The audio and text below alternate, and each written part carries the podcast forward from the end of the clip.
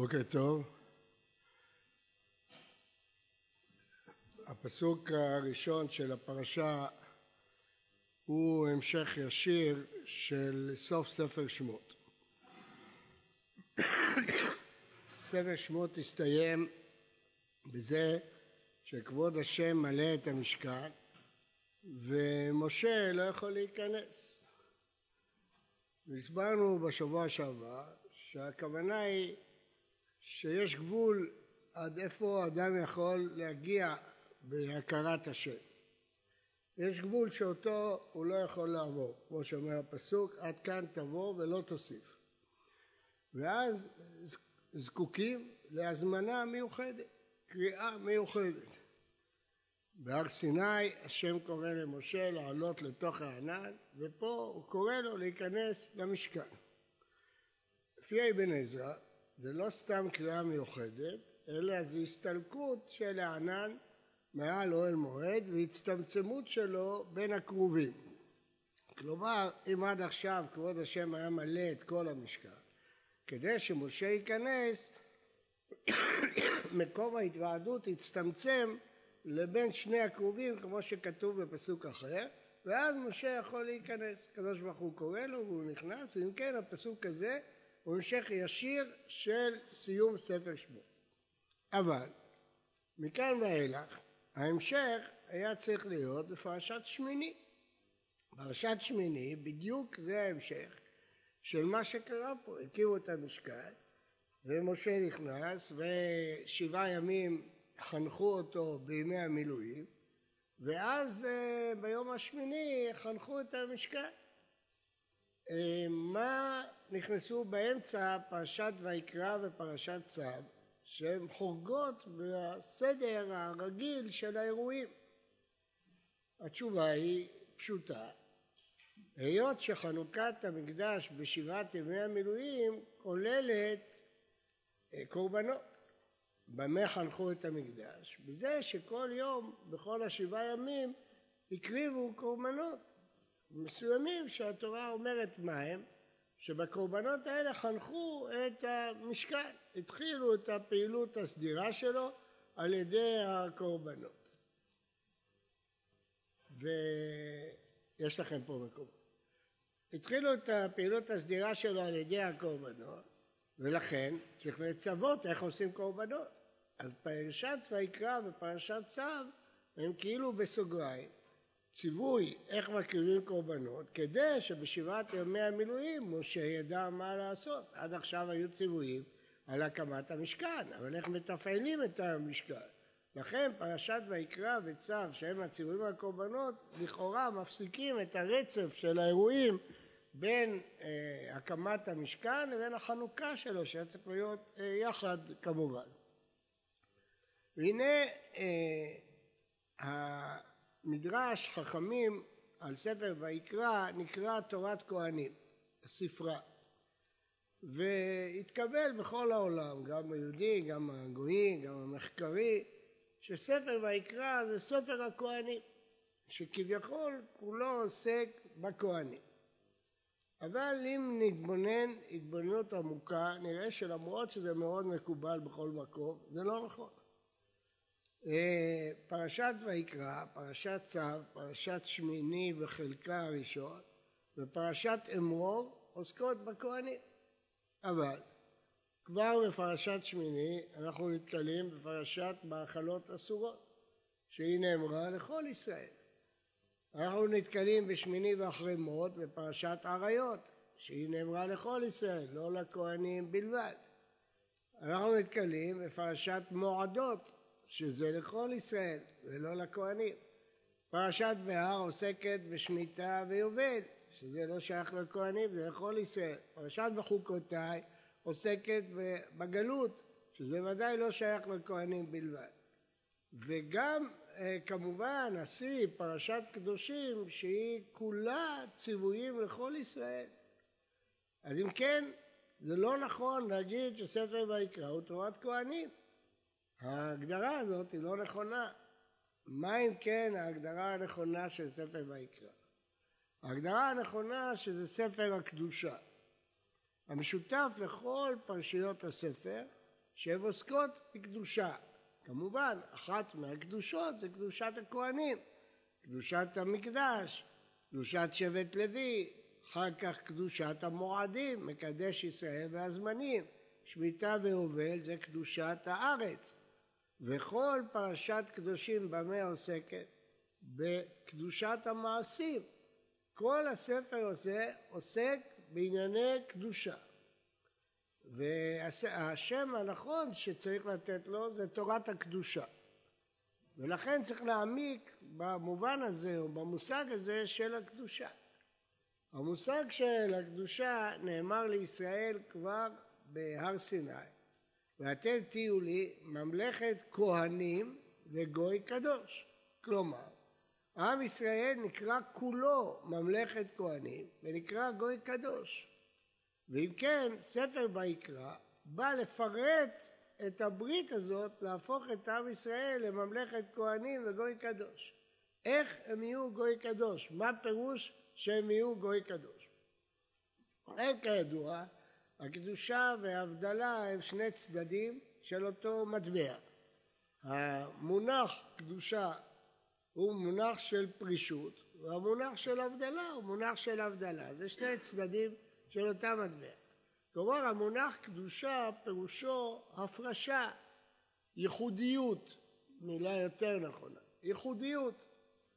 אה, הכהנים התייחדו מתוך שאר שבטי ישראל, ירושלים התייחדה משאר ערי ישראל, המקדש התייחד מירושלים, המועדים התייחדו מימי החול, אז הייחוד, ארץ ישראל התייחדה מכל הארצות בעולם, הייחוד הזה, התורה קוראת לו קדושה. ואם כן, אם נמשיך להבין בצורה הזאת, אז מה זה קדושת ישראל, מקדש ישראל? קדושת ישראל פירוש ייחודיות של עם ישראל.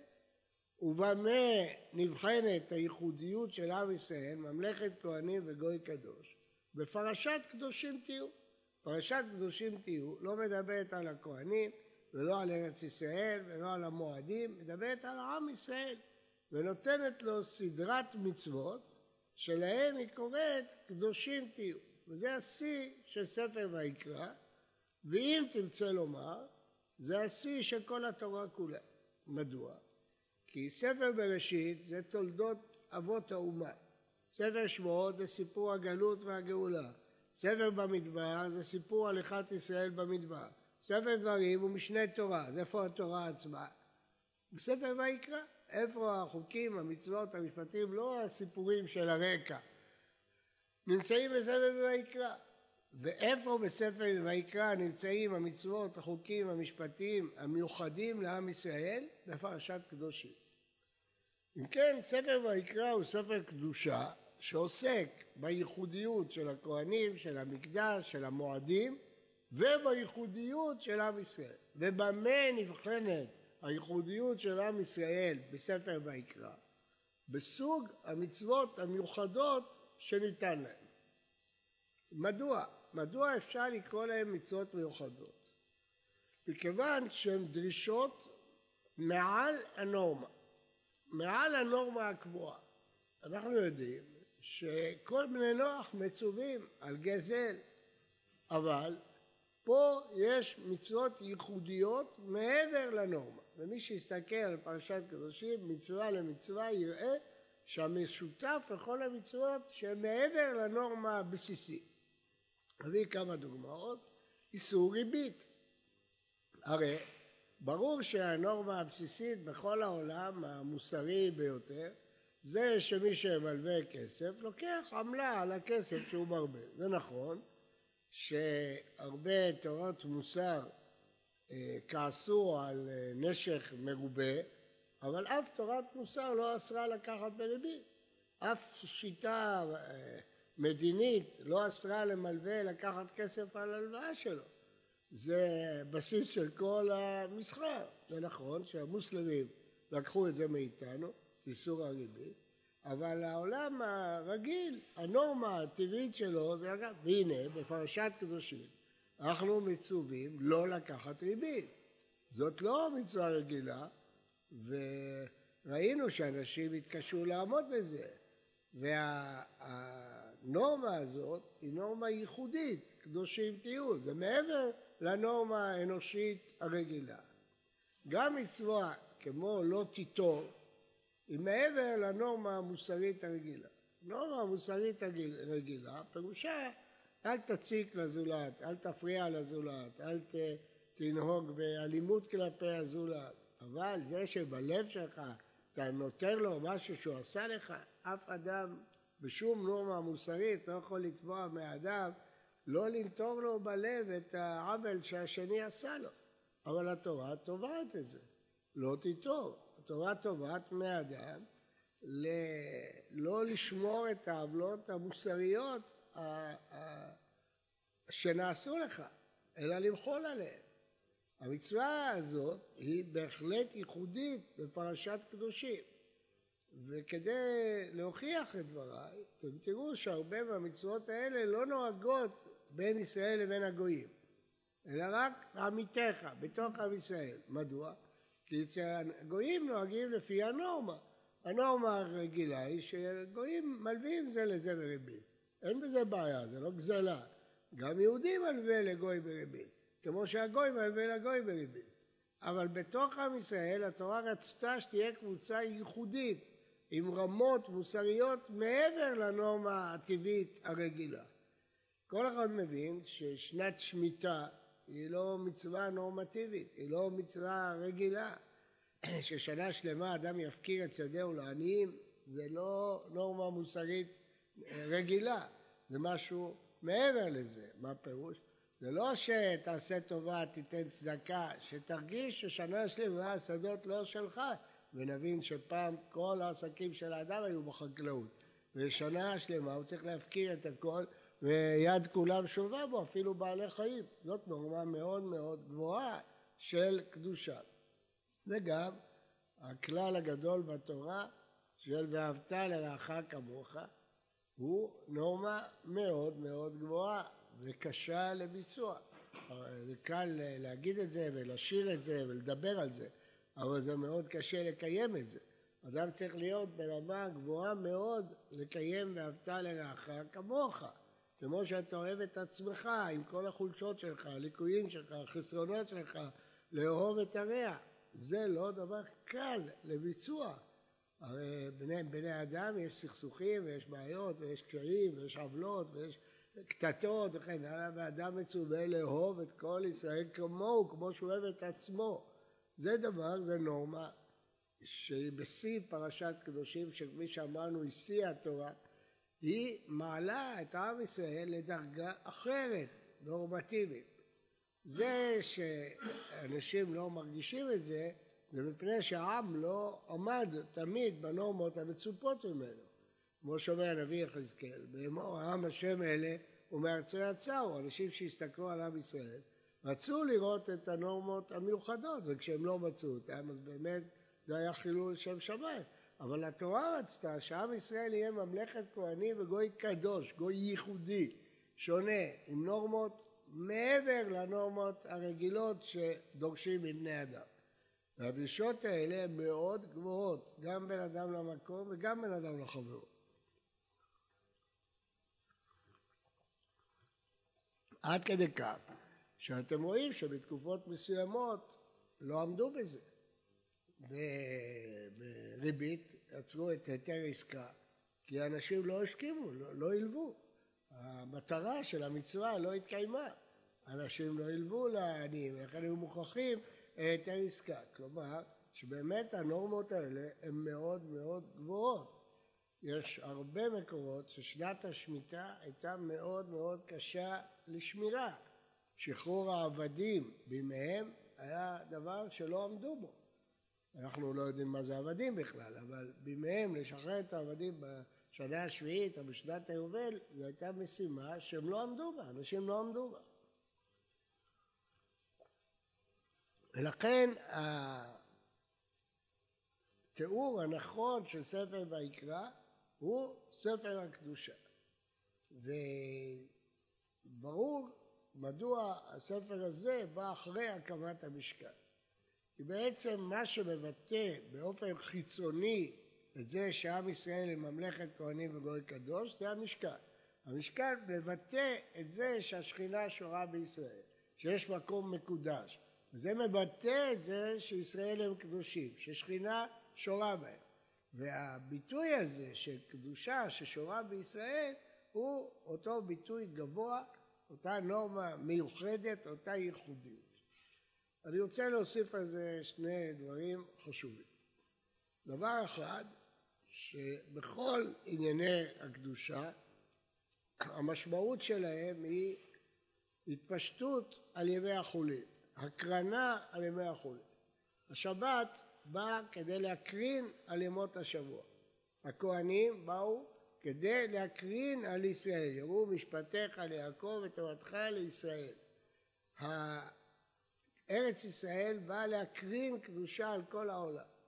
וגם עם ישראל שנהיה ממלכת כהנים וגוי קדוש זה לא כדי ההבדלה מן העמים זה לא כדי להשפיל את העמים, להפך, זה כדי שכמו שישעיהו אומר, נהיה אור לגויים, כדי שהגויים ילמדו מהנורמות הגבוהות האלה לאן אפשר לשאוב ולאן אפשר להגיע בחסידות.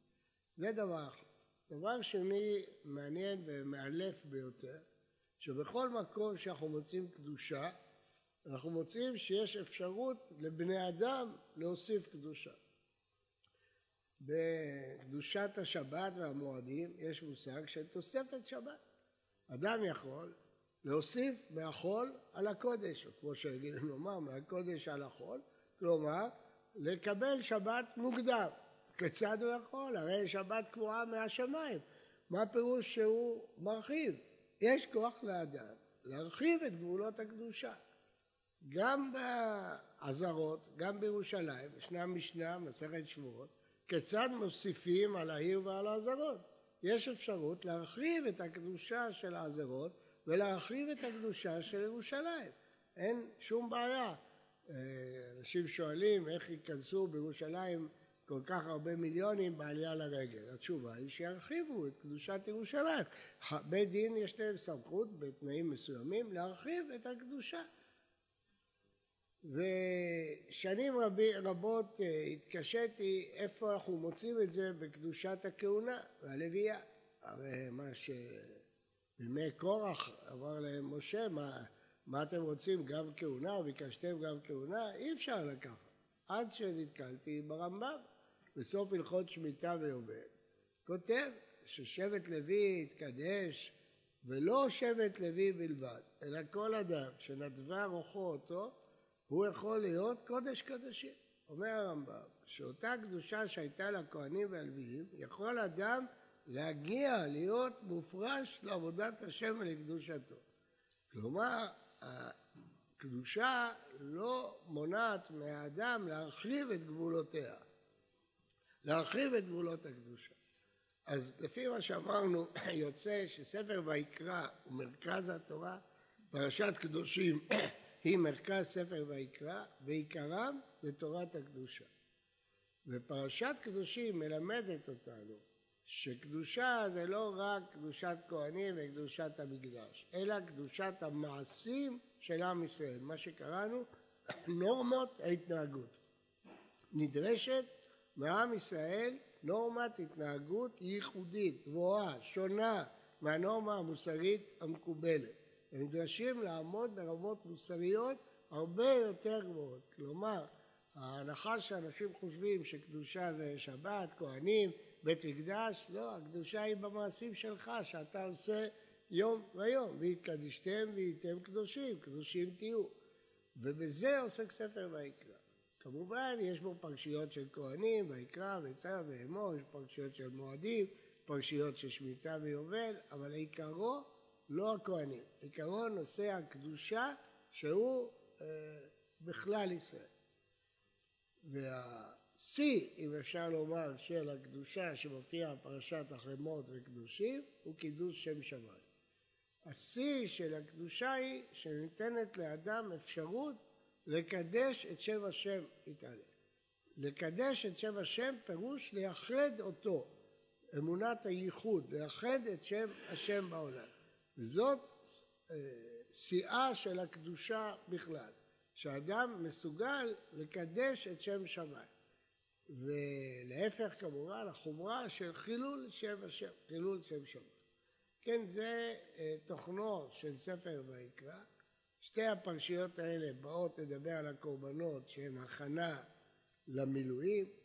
הקמת המשכן מסתיימת בפרשת שמיני, ואז מתחילות פרשיות הכהונים, אבל גם קדושה כללית, מאכלות אסורות, עריות, שנקראים כולם קדושה, קדושת המשפחה, ואחר כך פרשת קדושים שקדושת המעשים, קדושת המועדים, פרשת אמור, קדושת ארץ ישראל, פרשת בהר וחוקותיי, ולבסוף התוכחה. התוכחה היא שאם לא נעמוד בנורמות האלה, הקדוש ברוך הוא יגלה אותנו מן הארץ. כי כל המטרה שקיבלנו את הארץ הזאת, הארץ הקדושה, כדי שאנחנו ננהג בנורמות של קדושה.